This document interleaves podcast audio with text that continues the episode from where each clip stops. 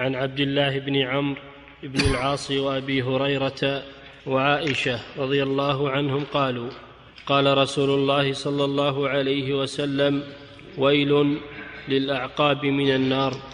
نعم هؤلاء ثلاثة صحابة رووا عن رسول الله صلى الله عليه وسلم وهم أبو هريرة.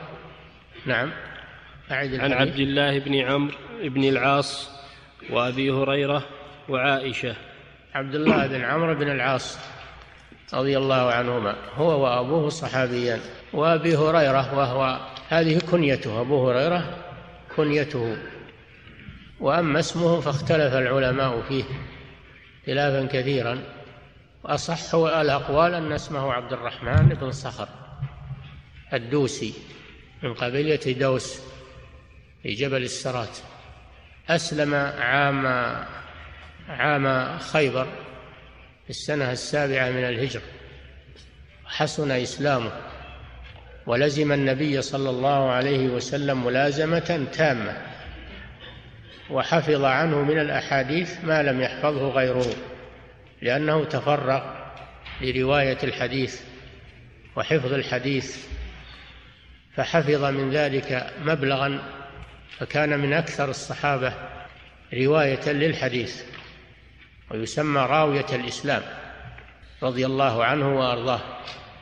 حفظ للأمة كثيرا من سنة رسول الله صلى الله عليه وسلم صار يسهر عليها ويحفظها ويتقنها ويرويها حتى صار مصدرا من مصادر سنة رسول الله صلى الله عليه وسلم.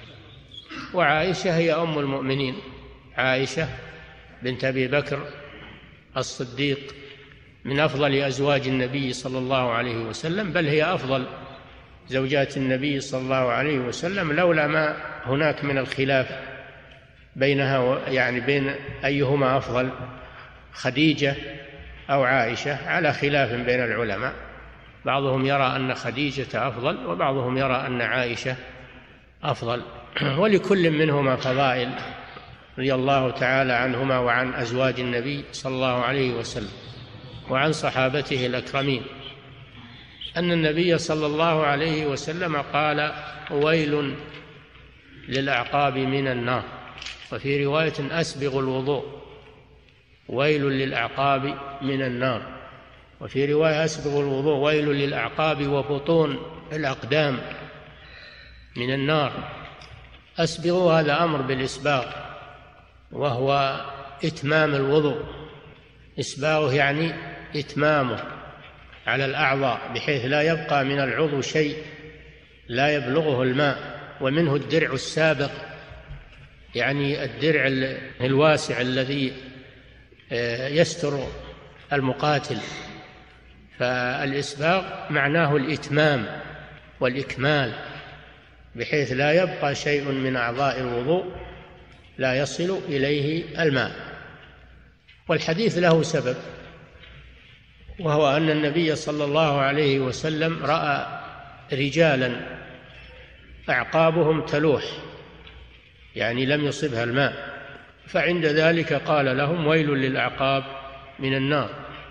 والأعقاب جمع عقب وهو مؤخرة الرجل.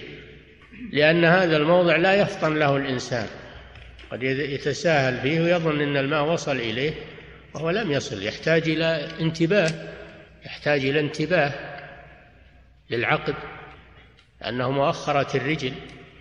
وربما أن الإنسان لا ينتبه إليه عند الوضوء ويظن أن الماء واصل وهو لم يصل.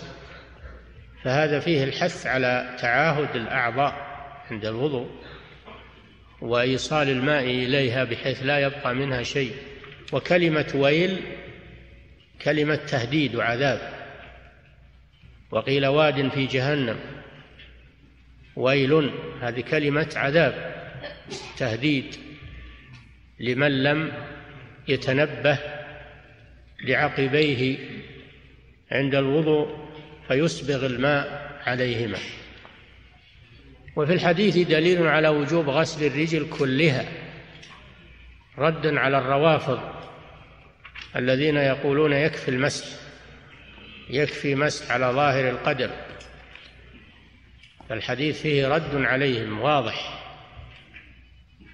قال صلى الله عليه وسلم ويل للأعقاب من النار.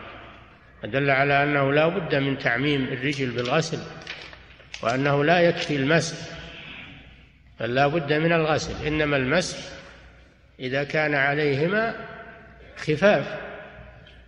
أما إذا كان مكشوفين فلا بد من الغسل. لقوله تعالى وأرجلكم إلى الكعبين والكعبان هما العظمان الناتئان في أسفل الساق وإلى بمعنى مع أي مع الكعبين.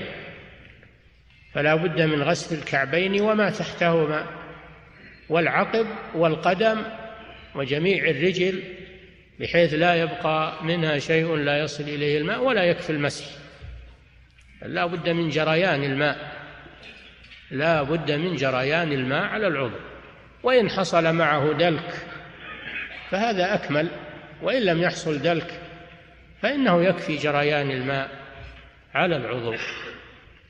فهذا الحديث فيه دليل على وجوب غسل الرجلين غسلا كاملا ردا على الرافضة الذين يقولون يكفي مسح القدمين.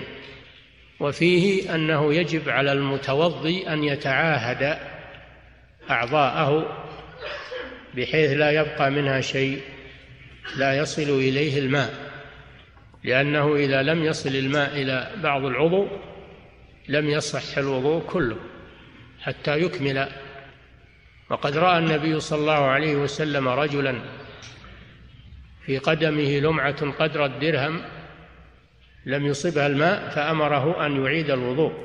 قال ارجع فأحسن وضوءك. لا يستعجل في حالة الوضوء بل يتأنى ويستكمل أعضاءه بالوضوء وربما يكون الوقت باردا فيستعجل الإنسان ولا يسبغ الوضوء بسبب البرد. قد جاء في الحديث أن أن مما يكفر الله به الخطايا ويرفع به الدرجات إسباغ الوضوء على المكاره. في رواية إسباغ الوضوء في السبرات يعني وقت البرد. فعلى المسلم أنه يتعاهد أعضاءه فيكمل غسلها ولا يترك منها شيئا خصوصا العقبين وبطون الأقدام يتفطن لها. نعم. فضيلة الشيخ يقول السائل إذا كان الرجل لابسا للشراب فهل يمسح العقب معه؟